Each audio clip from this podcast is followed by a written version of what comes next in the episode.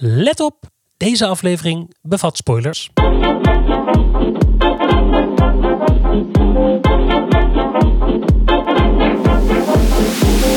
Ik vind hier iets van. De podcast met discussies zoals je die in de auto voert, Of in de trein, of op het terras, of in een bubbelbad. of overal dus. En het gaat over... Over. Over musical!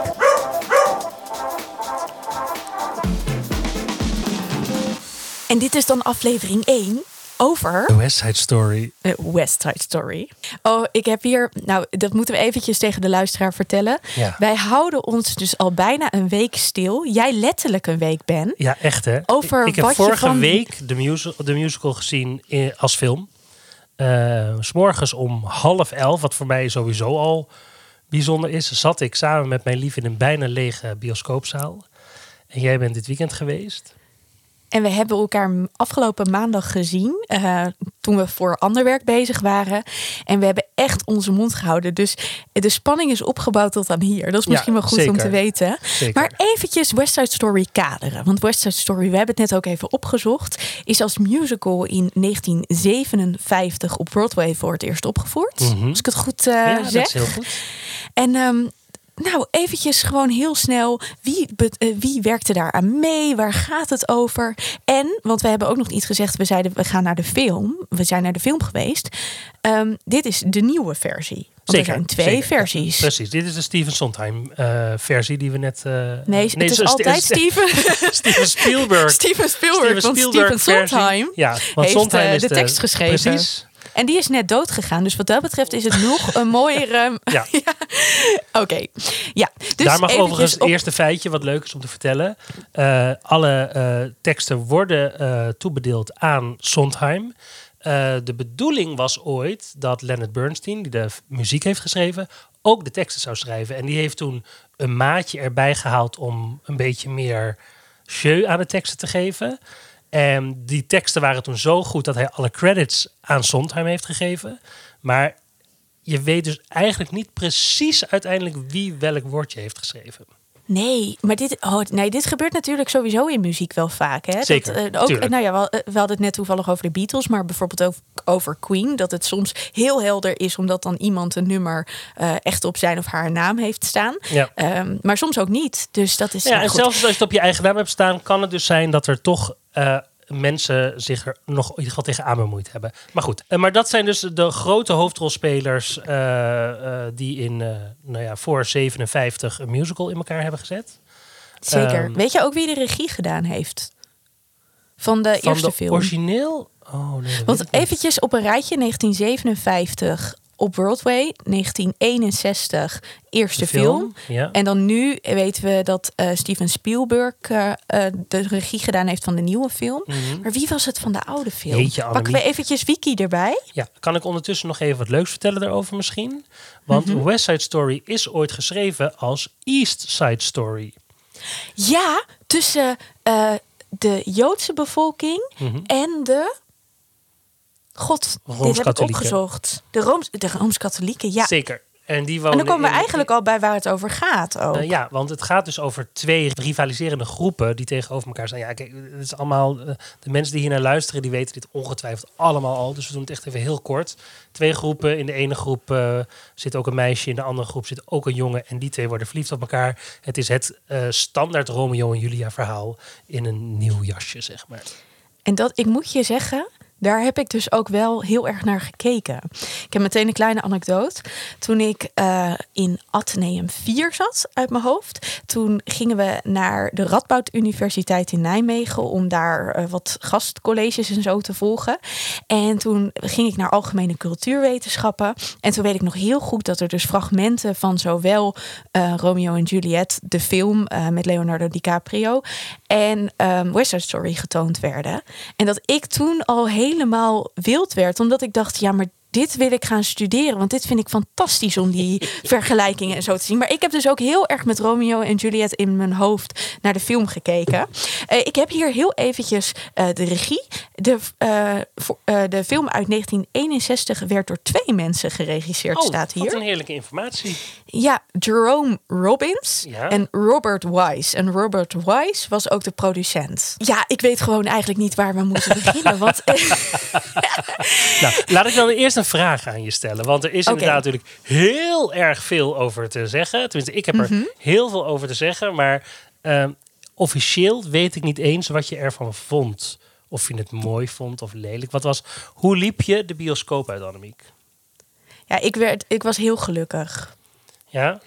Ja, ik was heel gelukkig. En, maar dat is ook, dat, daar hebben we het eerder over gehad. Het is niet zo moeilijk om mij gelukkig te krijgen als het eh, om eh, een eh, musical gaat. En nou ja, dat is niet helemaal waar, want ik kan ook heel kritisch zijn.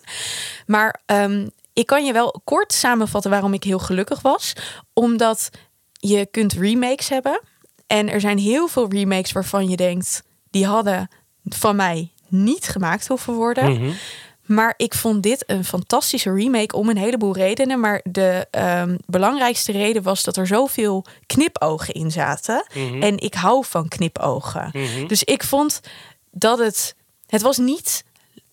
Weet je nog dat wij tegen elkaar zeiden eh, toen we de trailer gezien hadden van ja, maar het lijkt wel alsof het een letterlijke remake is. Dus Mhm. alsof ze gewoon eh, de beelden uit de oude film Opgepoetst nagemaakt hebben, hebben. ja, precies. en dat was dus niet zo. Nee.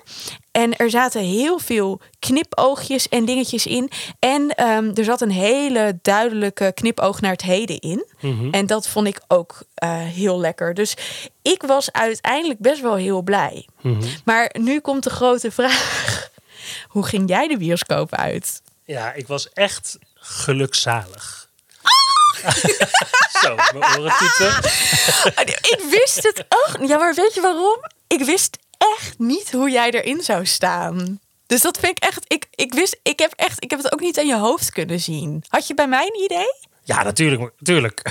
Maar dat komt want- ook. De meeste mensen zijn heel blij met deze versie. Dus ik heb dus van tevoren niks gelezen. Nee, ik ben er pas, helemaal Ja, precies. ja, ik ik, precies. Omdat ik gewoon niet beïnvloed wil worden. En ik wilde eerst mijn eigen mening vormen. Maar als jij zegt, ik, jij stuurde mij één zinnetje volgens mij. Ik vind er, jij stuurde iets van, ik vind hier heel veel van. Of iets van, ik heb hier heel veel over te zeggen. Mhm. Dat is en allemaal vaak, waar. vaak als jij dat zegt, dan ben je toch een beetje zuur. Ja, nou ja. Dus Ja, ik dacht, oh, we gaan het meemaken. Maar nu weet ik nog steeds niet waarom jij zo gelukzalig je voelde. Nou, Goeie zin dit. ja. Nou, nu ga ik gewoon 20 minuten praten. Ja, en ik Eh, onderbreek ja, wel. dat is goed. Ik ging in de bioscoop zitten. Ik hoorde de eerste fluitjes. Tuut. En ik kreeg gewoon al kippenvel. Want ik was zo blij toen ik dat orkest begon, dat begon te spelen. En dacht ik, oh, thank God. Het is gewoon de sound van toen in wel modern, in modern opgenomen. Maar ze hebben niet geprobeerd hier iets moderns van te maken. En, eh, of, of eh, het klonk gewoon zo waanzinnig goed. En toen kwamen die beelden allemaal voorbij. Wat echt nog overduidelijk die tijd was. Waarvan ik heel lang dacht. Jeetje, waarom had het nou niet wat hipper gekund? Wat meer eh, naar het nu gebracht worden. Ivo van Hoof heeft dat natuurlijk ook gedaan in zijn West Side Story Broadway eh gedachte. En toen dacht ik, ja, maar als we over een rumble en dat soort echt hele ouderwetse woorden gaan praten, wat echt belangrijke woorden in die voorstelling zijn, dan, dan moet je het ook eigenlijk gewoon in die tijd laten. En het kan heel goed. Ehm, en eh, het andere ding waar ik echt super gelukkig van werd al in die eerste tien minuten, was dat de, eh, de situatie waar het in zich in afspeelde veel helderder was dan zowel de musical eh, toneelversie als de eerste film. We snapten opeens dat er een hele wijk werd platgegooid waar iedereen weer ging knokken over eh, zijn eigen plekje bevechten. Ehm, en die culturen kwamen veel duidelijker tegenover elkaar te staan. Waar in mijn beleving in de vorige versie eh, het eigenlijk allemaal gewoon een beetje qua jongens waren. Die toevallig allemaal een beetje soldaatje wilden spelen. Was het nu echt je eigen plek bevestigen, eh, bevechten. En werd dus ook opeens de racistische Amerikanen werden tegenover die Puerto Ricanen gezet, waarbij de Amerikanen jaloers waren op de saamhorigheid en het familiehuis van de Puerto Ricanen, maar de Puerto Ricanen jaloers waren op de vanzelfsprekendheid dat je een plek hebt.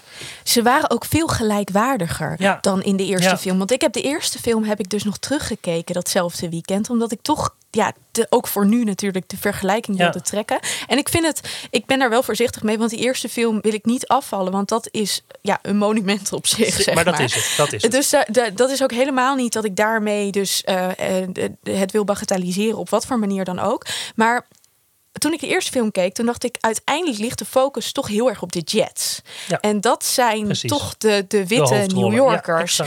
Terwijl hier waren ze veel gelijkwaardiger. Ja. En ehm, de situatie was inderdaad helderder. En daar heb ik heel erg over nagedacht. Omdat ik wil, eh, weet je nog, een tijdje geleden eventjes een sportje. Toen eh, zei ik tegen jou dat je Fantastic Beasts moest kijken. Mhm. De Harry Potter eh, prequel, zeg maar.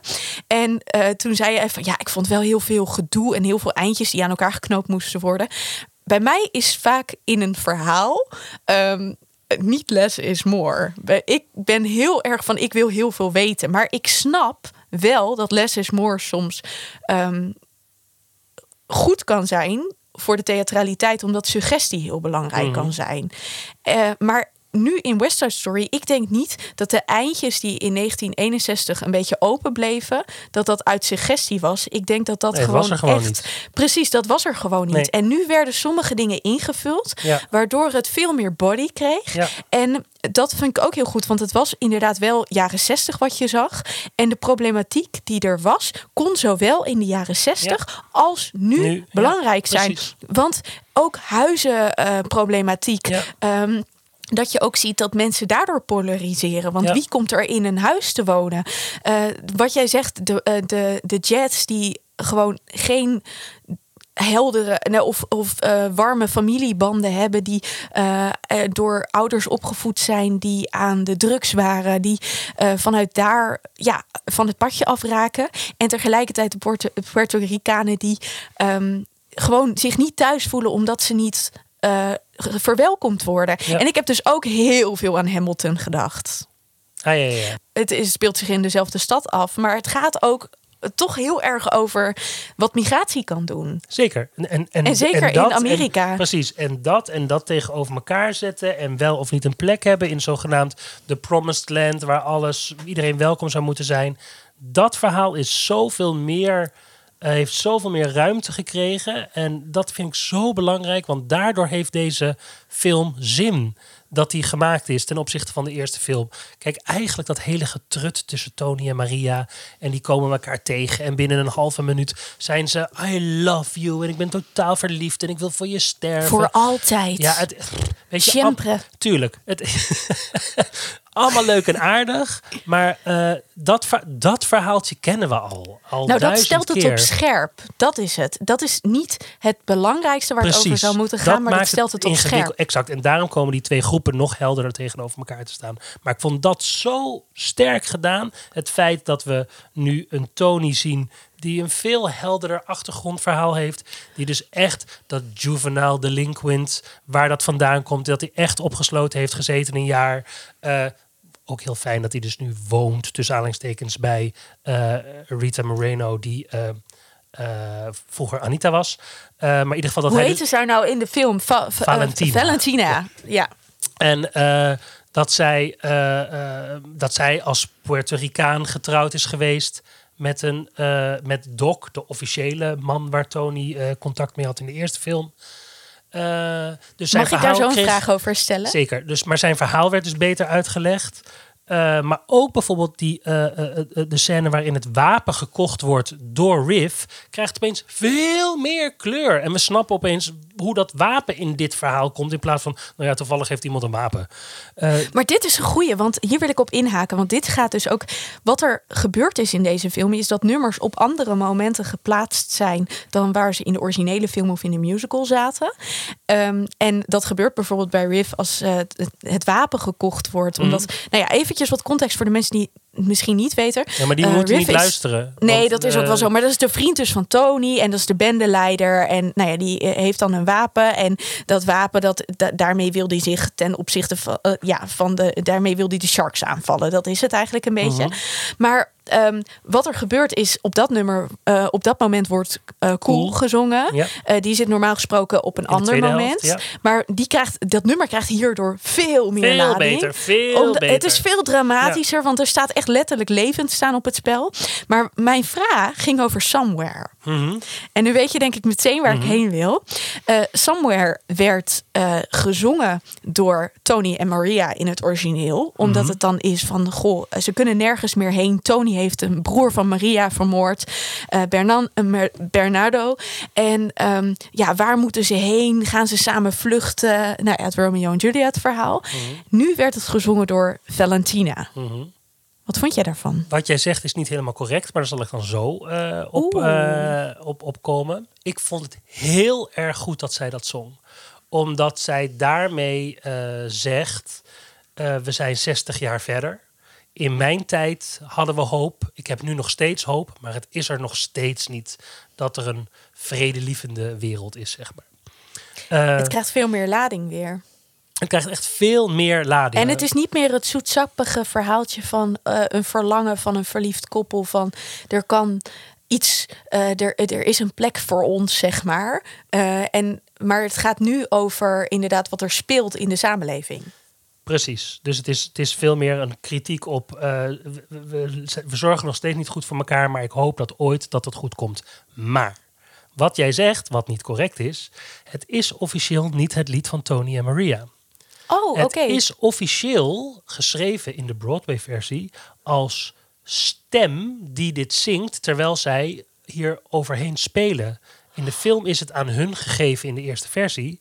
Maar het is eigenlijk gewoon een stem die uit, laten we zeggen, de orkestbak komt. Net een beetje als eh, de, wat je krijgt met Maria, Maria, Maria. Exact, waar die andere Dat- stemmen vandaan komen. Ja, precies. Ja. Dus het is veel meer... Oh, maar kijk, daarom heb ik jou in deze podcast. Dit, dit wil ik weten. Mhm. Dus het is, ik, ik, vond het, ik, ik vond het jammer in de eerste film ook al dat zij dit samen zongen. Want ze zingen ook al eh, One Hand, One Heart. Eh, ze zingen Tonight. Ze hebben al zoveel samen. En dan moest er nog een nummer komen wat ze samen zongen. Dus ja, ik, dus voor mij dan gewoon te veel. Zeker omdat ik dat zoetsappige deel niet zo interessant vind. En, eh, maar nu werd het dus dubbel, dubbel ingelost. En dat vond ik zo goed ervan. En het is natuurlijk gewoon super mooi dat degene die Anita speelde, ja, jij noemde haar naam net al, ehm, Mhm. in de originele versie, dat die Valentina speelt. En dat je daarmee dus ook iets zegt over het tijdsbestek wat tussen die films zit, namelijk 50 jaar. Deze film moet nog steeds gemaakt worden. Precies. Sterker nog, je zou zelfs kunnen zeggen, nou, dat, dat is arrogant te denken dat deze tijd belangrijker is. Maar eh, het, het- Ja, wij het- waren er allebei toen nog niet. Het is nog steeds van belang dat dit verhaal wordt verteld. Hoe mensen tegenover elkaar staan. En dat we nog steeds allemaal dromen dat er ooit een moment komt dat, het, dat we beter voor elkaar, voor de aarde, ergens ooit in de toekomst gaan zorgen. En wel, wat ik ook heel interessant vond. Ehm, ik weet, eh, dat heb ik ooit in een podcast gehoord, dat I Feel Pretty eruit gehaald is in de versie van Ivo van Hoven. Klopt. Omdat hij zei van, ja, dit is gewoon een gedateerd nummer. En dat komt voornamelijk door ehm, For I'm Loved. eh, wat, eh, nou, wacht eventjes. Ik hoor hem nu en dan For moet ik hem gaan Loved by a uitspreken. pretty, By a pretty boy. wonderful boy, precies. En dat is natuurlijk alles behalve feministisch. Dat je daarom mooi bent en goed in je vel zit als een vrouw. Maar ze hebben hem hier ook weer ingekleed op een manier Zeker. waarvan ik denk dat zeg maar. Het blijft in die zin een moeilijk nummer. Tegelijkertijd is het iconisch. Ik vind wel, eh, ik ben ook wel een beetje soms een traditiebewaker.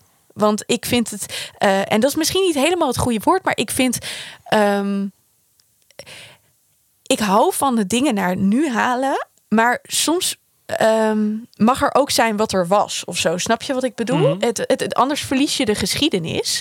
Maar wat ik dus heel tof vind, is dat ze dit nummer een nieuwe ansenering hebben gegeven. Dit ook weer op een ander moment in eh, ja, de voorstelling, wou ik zeggen, maar in de film. Niet helemaal waar, Niet he- maar Nou, het ja, is een andere de- locatie. Ja. ja, precies. Nou ja, het is gewoon Ja. an- het, het, is, het, het- het is een andere ansenering. Want Ik heb er heel erg over na zitten denken. Waarom zit I Feel Pretty er nu wel in? Ehm, en ik vond zelf dat het voornamelijk ook een beetje grappig gemaakt was. Dus ik dacht, het, eh, ik had zelf meer als ironie opgevat. Dat het in een warenhuis is Mhm. waar Maria schoonmaakt. Mhm. En dat het iets zegt over het verschil tussen arm en rijk, wat er nog steeds is. Mhm. Dat het iets zegt over.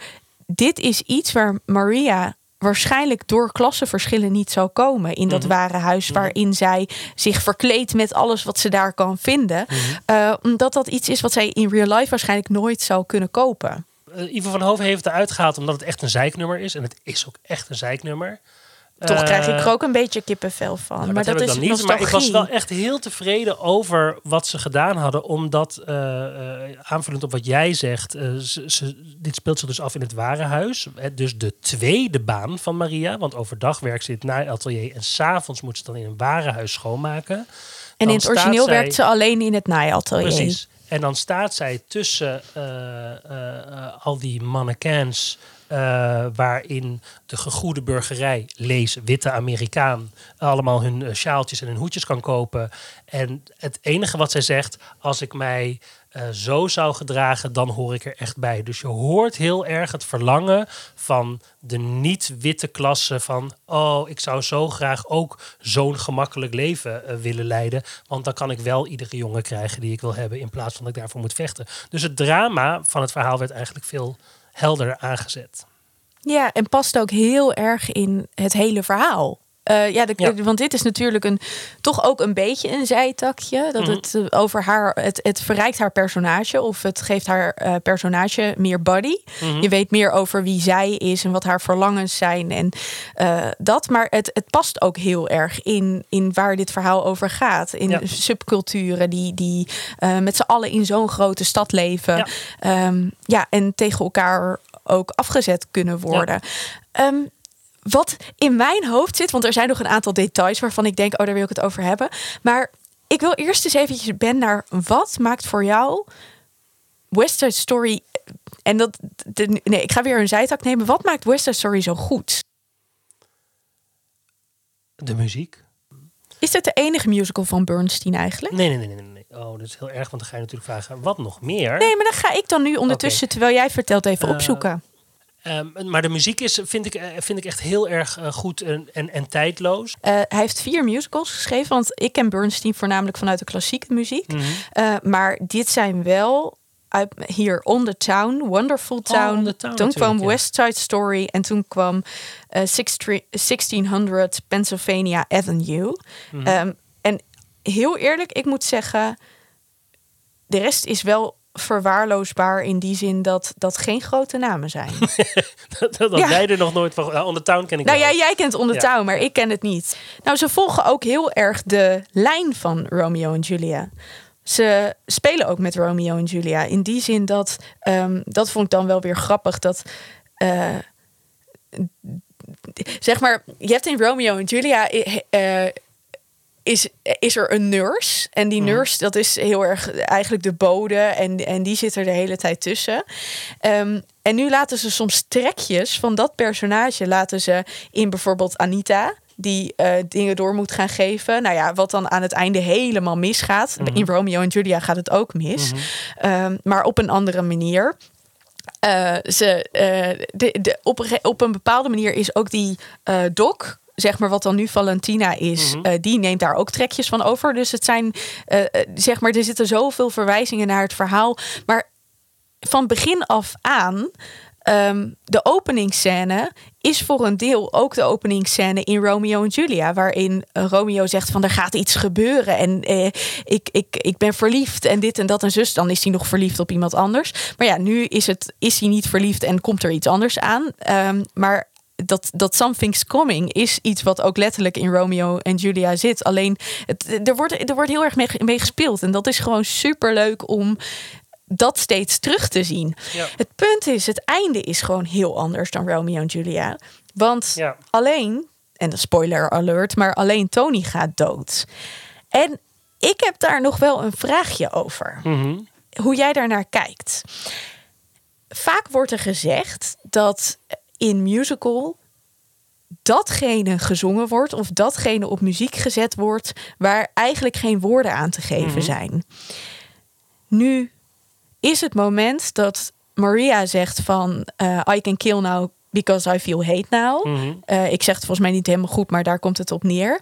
Wordt niet gezongen. Mhm. Waarom niet? Nou, ik, wat, wat ik vind sowieso het einde van West Side Story sowieso vind ik, eh, vind ik een beetje. Nou, we jagen het er allemaal nog even doorheen. Opeens staat daar Chino, we schieten, klaar. Maria komt huilend aanlopen. Iedereen, oh, en we verbroederd brengen we Tony weg. Dat is het Maar ik vind het moment iedere- dat Anita dus, dat vind ik wel een heel goed moment. Dat is daar vlak voor dat Anita eh, wil gaan, eh, eh, ja, wil, eh, wil gaan waarschuwen, wil gaan zeggen: Mhm. Chino heeft een Mhm. pistool. op dat moment totaal overvallen wordt door de Jets op een gewelddadige Mhm. manier. en daardoor iets anders vertelt. Dat vind ik dus wel heel sterk. Zeker, zeker. Alleen daarna- echt precies, daarna is het echt in nou, drie minuten jagen we nog even het einde doorheen. En dan is het klaar. En dan opeens zijn we allemaal verbroederd. En heeft de En dan loopt Maria achter de kist gehad. aan. Ja, Ja. precies. Eh, dus dat, heb ik nooit het sterkste, eh, het sterkste gevonden. Ik weet nog dat ik hem eh, zag, de musical in Carré, denk ik zelfs dat ik hem zag. De Nederlandse versie met Mike Widdershoven en Addo Kruisinga. 1995 hebben we net opgezocht. Heel goed. Nee, 96. Sorry, nu zeg ik het Ja, alsnog klopt. weer verkeerd. En eh, toen kwam Chino ook totaal uit een donker hoekje opeens. Dus op het moment dat hij schoot, schrok de hele zaal zich helemaal de tyfus van, die, van het schot. Dus die hele zaal lag dubbel van het lachen omdat we zo geschrokken waren. En waardoor het moment nog veel erger was. Dat je, ja, mensen, eh, nou is alle drama is weg. Staan het mensen te huilen op het toneel. En wij zitten met z'n allen te lachen. Het is gewoon altijd een moeilijk moment geweest. En ik vind ook niet in die zin, dat is een van de twee zwakkere momenten van de film, vind ik ook. eh. En dat is dus jammer, want in Romeo en Juliet is het wel heel interessant. Want eh, nu moet ik, oh wat erg, ik had deze research even moeten doen wie als eerste sterft. Volgens mij is het zo zij. dat wel, hè? Ja, want het misverstand is dat zij dan al gestorven is. Ja, want zij sterft twee keer. Ja. Ja, precies. Dus zij is dan al gestorven. Maar zij doet alsof zij heeft een drankje Ja. genomen, waardoor het lijkt alsof Ja. ze dood is. Romeo komt naar haar toe en die komt bekijken of het echt zo is. Ja. Die steekt een dolk in zichzelf. En die, die, nou, die zegt ook van ik, ik kus je lippen, want dan krijg ik tenminste ook het gif binnen Ja, en bla bla bla. Ja. En op het moment dat Romeo dan sterft, ontwaakt zij Ja. en heeft zij een dode Romeo op zich liggen. Nou ja, dat is natuurlijk ook allemaal super dramatisch, maar daar zit nog het moment miscommunicatie, of tenminste, snap je, daar, daar, eh, daar wordt doorgevoerd dat het verkeerde verhaal verteld is. Snap je? ja, en dat is nu niet, bedoel je te zeggen. Ja, want een brief waarin. Oh, Ja, maar zij zegt even- het. Anita zegt toch, Maria is dood, dus daarom gaat Tony de straat op. Die Ja, roept klopt. tegen Chino, waar ben je? Ja, maar Maria doet daar vervolgens niks meer mee. Nee, Maria, nee, snap is de je? koffer aan pakken. Ja, dat, dat is het. Het is een beetje de, daarom hij gaat dood. En dan zegt ze ook I can kill now eh, because I hate now. Ja. Wat ik op zich echt wel een hele mooie zin vind. Tenminste, ik zeg het steeds verkeerd, maar ik vind die, die zin daar, daar dat raakt me wel. Ja, het, het, het, het botst in ieder geval, en dat vind ik er dan weer interessant aan, het botst met wat we zien. Want zij is degene die haat eh, nu en kan doden. En de rest stopt daarmee. En de twee groepen tillen Tony gezamenlijk op en brengen hem gezamenlijk naar zijn laatste, tussen aanhalingstekens, rustplaats. Maar er komt eigenlijk geen. da- dat is de ontknoping of zo, maar er komt op een bepaalde manier geen ontknoping. nee, want het Dat is heel door. erg- En dat is waar Precies. over gaat. Over over 60 jaar doen we dit nog steeds. Ja, ja. Ehm, nou ja, goed. Ja. Maar het mis Ja. een misverstand van Anita. Ehm, want dat vond ik weer heel goed. Dat Valentina veel explicieter zegt. Jullie zijn verkrachters. Dus eh, het, eh, eh, waar dat allemaal een beetje lachend werd weggewoven in de eerste film. Hier wordt dat keihard gezegd. En dat past natuurlijk echt super goed in deze tijd. Dat tegen die mannen gezegd wordt. Hallo, denk even na waar je fucking mee bezig bent. daar, daarvoor is deze versie zo belangrijk dat het in deze tijd gemaakt wordt. Want En ook het zijn- karakter van anybody's. Wat, Zeker. Want daar, daar zit ook het genderpunt in. Dat het, eh, Zeker, het gaat toch over transgender. Precies, de, de alfa-mannetjes Ja. die, die denken dat ze alles kunnen doen en alleen maar met zichzelf en met hun woede en met hun Zeker. gevoelens bezig zijn. En, en daarmee, ehm, nou ja, en eventjes inderdaad door Valentina op hun plek gezet worden. Zeker, zeker. En ook heel helder. eh. en dat is ook goed, want dat vind ik ook weer goed om dan weer een ander ding aan te snijden. Die alfa-mannetjes. Er wordt ja, lelijker tussen aanhalingstekens gedanst door de mannen. Het wordt, er wordt veel meer à la Billy Elliot door de horkige mannen gedanst. En wist jij dat Riff wordt gespeeld door een original Billy Elliot acteur? Die heeft daar Tony voor Oh, gekregen. echt? nou, tof. Dat vond ik zo leuk. Ja. Dus, maar daar zit dus een soort van ja, slordigheid bijna in, in die choreo. Die wel super vet zijn, maar daar zit iets nou ja, rommeligs in. En ik vond dat zo goed juist. Want het maakt het nog veel echter. In plaats van dat we allemaal ook ballet gebruik dansen. Precies, dan maak je dus ook gebruik van de kracht van dans. Dat je het niet inderdaad tot in de perfectie uitvoert, maar dat juist het fysieke aspect ook iets kan vertellen. Nou ja, dat is wat ik belangrijk vind bijvoorbeeld ook bij zang. Ik heb liever dat er vals wordt gezongen, maar oprecht wordt gespeeld. En dat is eigenlijk, ik heb ook liever dat er scheef wordt gedanst, maar oprecht wordt gespeeld. Eh, dus als het Ik vond het spel dus heel goed. Ja. Ik vond dat moment dat Tony hoort dat eh, Maria dood is, Mhm. vond ik heel goed gespeeld. Daar zat ik echt in de bioscoop en daar kreeg ik echt rillingen van. Hij, die, die expressie, Mhm. ja, ik geloofde hem volledig. En, en, en die verwijzingen, daar wou ik het nog even over hebben. Wat ik zo vet vond, en dat heb ik eh, natuurlijk enorm gezien, omdat ik de films ook achter elkaar heb gezien. Van, ze openen al heel snel met dat ze posters aan het vernielen zijn, zeg maar. En dat is natuurlijk iets waar op een net andere manier in de eerste film. eh, ik geloof dat het dan puur over één krabbeltje gaat of zo, wat er, eh, wat er gezet wordt. En nu, je- en dat is zo mooi, het wordt niet gekopieerd, maar er zitten wel de hele tijd knipoogjes naar de eerste film in. Ja, maar dan dus heftiger. Want wat zij doen, Ja. zij verven nu dus over die vlag heen. Eh, daar, dat oh, het heftigste statement wat je kan maken. Maar ze gaan ook naar de eh, groenteman om de hoek. En ze trekken gewoon zijn logo van, het, van, zijn, van zijn raam af. En dat is nergens voor nodig. Het zijn gewoon kutjongens. Het zijn echt pesterijtjes. Ja, precies, dat is die het, ja. wel veel meer ladingen hebben dan een pesterijtje meer, hoeft. ja. Precies. Ja. het is echt. Ja, het, nou. Ja, ik vond het dus ook heel goed. En ik kijk er dus echt naar uit om hem nog een keer te Ik gaan ook. We kijken. gaan nog een Dat keer. heb ik echt. Ja. Ja, oh ja, laten we dat doen. Echt, ik kijk er echt naar uit om hem nog een keer te kijken. En ik vond ook, wat ik ook heel goed vond, is ik heb mijn research in die zin ook even gedaan dat ik de cast dus eh, gecheckt heb. Mhm. En eh, nou ja, toen kwam ik dus achter het Billy Elliot eh, verhaaltje. Ehm, maar in het original, in de original zijn volgens mij, en dan moet ik nu, nu twijfel ik, is er dat, dat Maria bijvoorbeeld in de original is echt een heel wit persoon met een Russische achtergrond. Ja, ja. Precies. En in deze, zij Maar vergis je, oh, Is- Natalie Wood en eh, Rita Moreno, de, dus die, de originele Anita, die werden toen donker gesminkt, hè? Ja, dat bedoel ik. Terwijl Maria is heel wit, vind ik in de original alsnog. dus kun je nagaan. Daarom.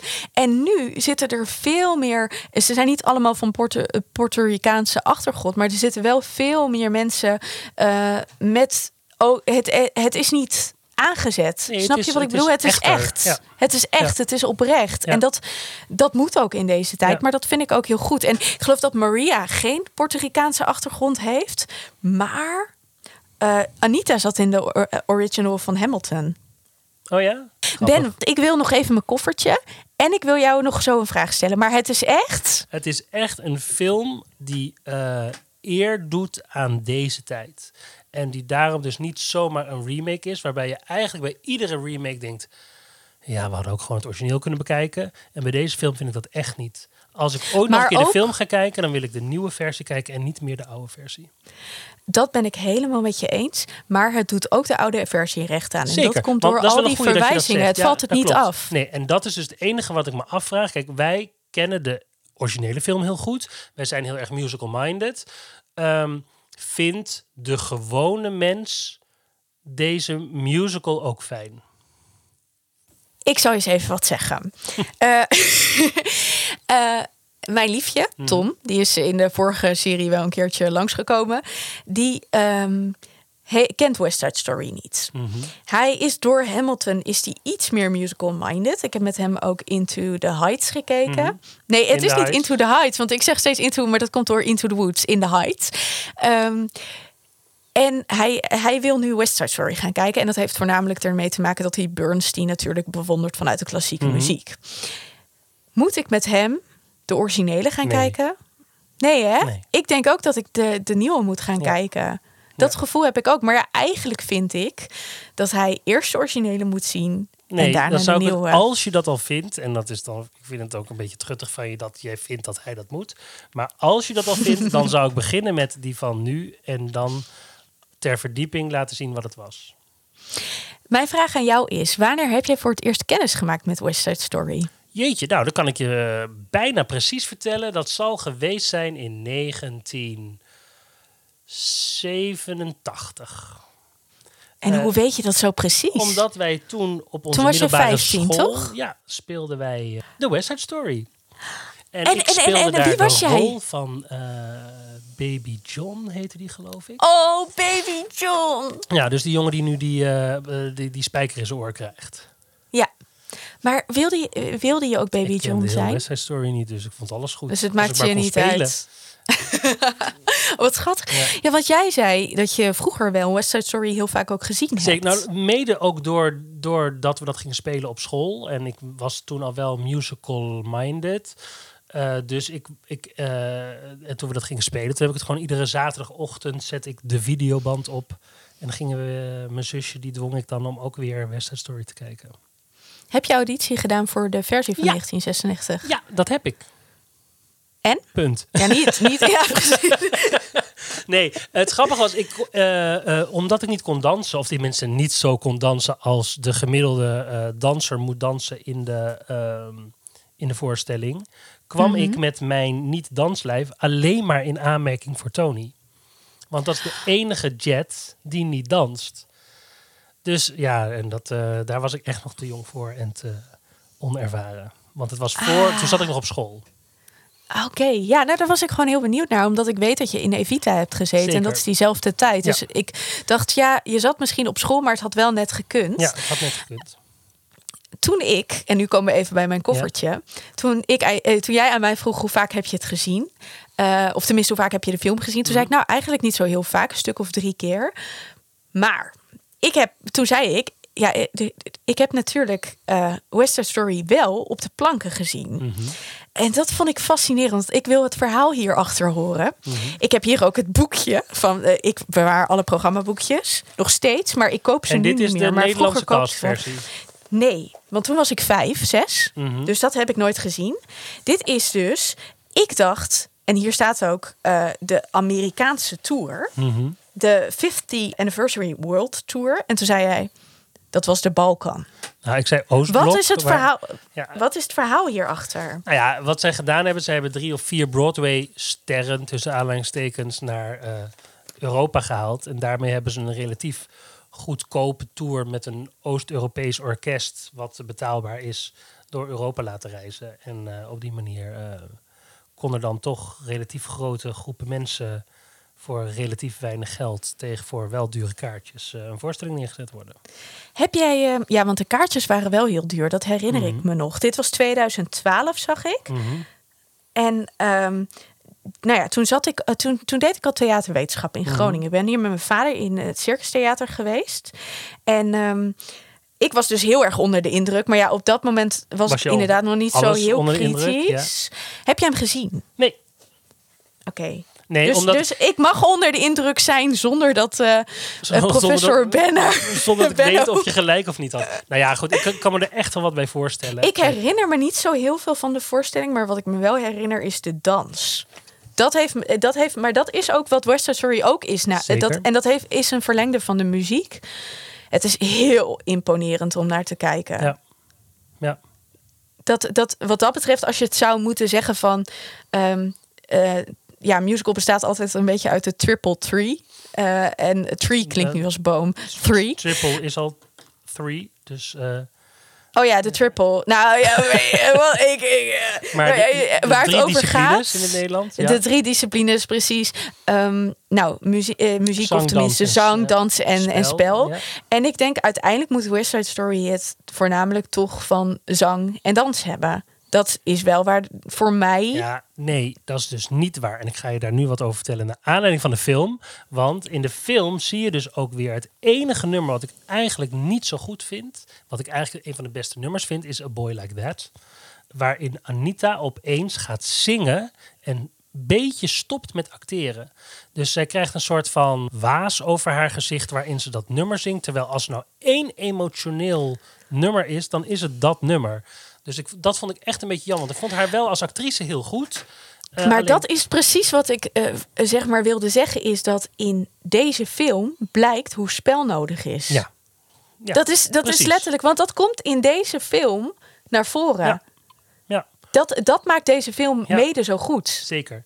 En, en, en dat is zo grappig, want als je dit voor bijvoorbeeld vergelijkt met, eh, dan ga ik even een hele kleine zijtak nemen, hou je vast, met de Les Miserables film. Eh, waarin eh, bijvoorbeeld eh, I Dream the Dream super dramatisch gezongen is, waardoor alle muzikaliteit verdwenen is. Dat gaat dan weer te ver. Dus er zit wel, er is ergens moet er wel altijd een balans blijven, maar het spel is nou ja, altijd, en dat zeg ik als regisseur natuurlijk ook, want ik vind het ook echt het allerbelangrijkste, maar het is ook het allerbelangrijkste.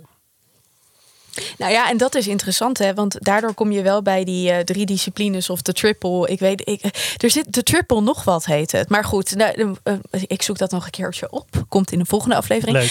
Eh, blijkt dus dat eh, een goede musical heeft die verhouding. Ja. Moet, eh, moet die Nou, drie in verhouding zijn? Als dat je belang is. Als je kijkt naar ouderwetse musicals, eh, bijvoorbeeld een Porky and Bess, maar zelfs ook een Titanic bijvoorbeeld, of een Phantom zelfs. Les Miserables. Nee, dat is alweer minder. Eh, daar gaat het vooral over groots, bombast, opera-achtig. Dus de, dan Nou ja, daar krijgt speelt- zang dus een belangrijkere rol en spel komt daar op een tweede plaats over het algemeen.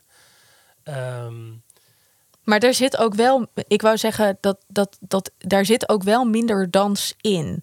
Dat is bij Phantom niet helemaal. Ja, nee, nou ja, ik vind. nee. Het zit erin, maar het is niet. nee, de Zo'n dans die erin leidend zit, nee, nee, element. helemaal niet. Er zit helemaal geen dans in de Phantom. In die zin, er zit een balletgroep in. Precies, dan is het onderdeel van het verhaal. Ja. Maar het is niet dans in de zin zoals Nee. we het hier zien in West. Side Story, dat ze de Dat straten is opgaan. overigens bijna nergens. Hè. Zo heftig als hier in West Side Story. Ja, maar dat, dat maakt West Side Story wel. Want dat was wel wat mij ook echt rillingen over mijn hele lijf Absoluut, gaf. absoluut. Ja, Ben, volgens mij zijn we er. Volgens mij. Maar we kunnen ook nog eh, heel lang doorpraten, maar dat, ik, ben het met je eens. Maar ja, eh, er is veel over deze f- film te zeggen. Ja, en het is heel duidelijk wat we ervan vinden. Heel duidelijk. maar ook En heel ook blij dat- ermee zijn. Ja, en ook dat ik vind hier iets van, dus niet altijd negatief hoeft te zijn. Dat vind ik eigenlijk ook wel heel duidelijk. Want wij vinden heel veel in deze eh, aflevering, maar het is niet negatief. Nee, Het is onderbouwd. En dat Ik is denk- waar. nou, ik denk zelfs dat we, dat we helemaal niet negatief zijn geweest. Dit, is- dit gaat misschien nog wel eens een iconische aflevering eh, worden. Want eh, meestal zijn we, laat ik voor mezelf spreken. Meestal ben ik heel negatief. Ja, en dat is nu gewoon niet zo. Ga dat zien, mensen. Echt, Ik ga weet- kijken. Dankjewel voor het luisteren allemaal. We zijn echt heel Eén vraag blij. nog. Oh, Wat is jouw favoriete? Ja, welk nummer moeten wij op de Spotify-lijst zetten? Eh, Wat is jouw f- Somewhere and favoriete en cool. En dus A Boy Like That. Ja. Maar Nou, wat is jouw favoriete nummer? Eh, mijn eigenlijke favoriet, favoriete nummer is het Sixtet. Dus dat is waar alles door elkaar gezongen gaat worden. Ja, Tonight. Eh, De nou, Tonight, reprise is dat. Tonight. Ja. Het is eigenlijk het heet het. Mijn ook. Maar goed, Nou. eh, kijk naar onze Spotify-lijst. Dankjewel voor het luisteren allemaal. Voor onze show notes kan je natuurlijk kijken op eh www.ikvindhierietsvan.nl en dan kan je alle informatie een beetje teruglezen over deze aflevering. En wil jij dat we een aflevering maken over een bepaalde musical? Laat het ons weten en mail naar annemiek.ikvinderietsvan.nl Of stuur een berichtje op onze Instagram-account. Ik vind iets van.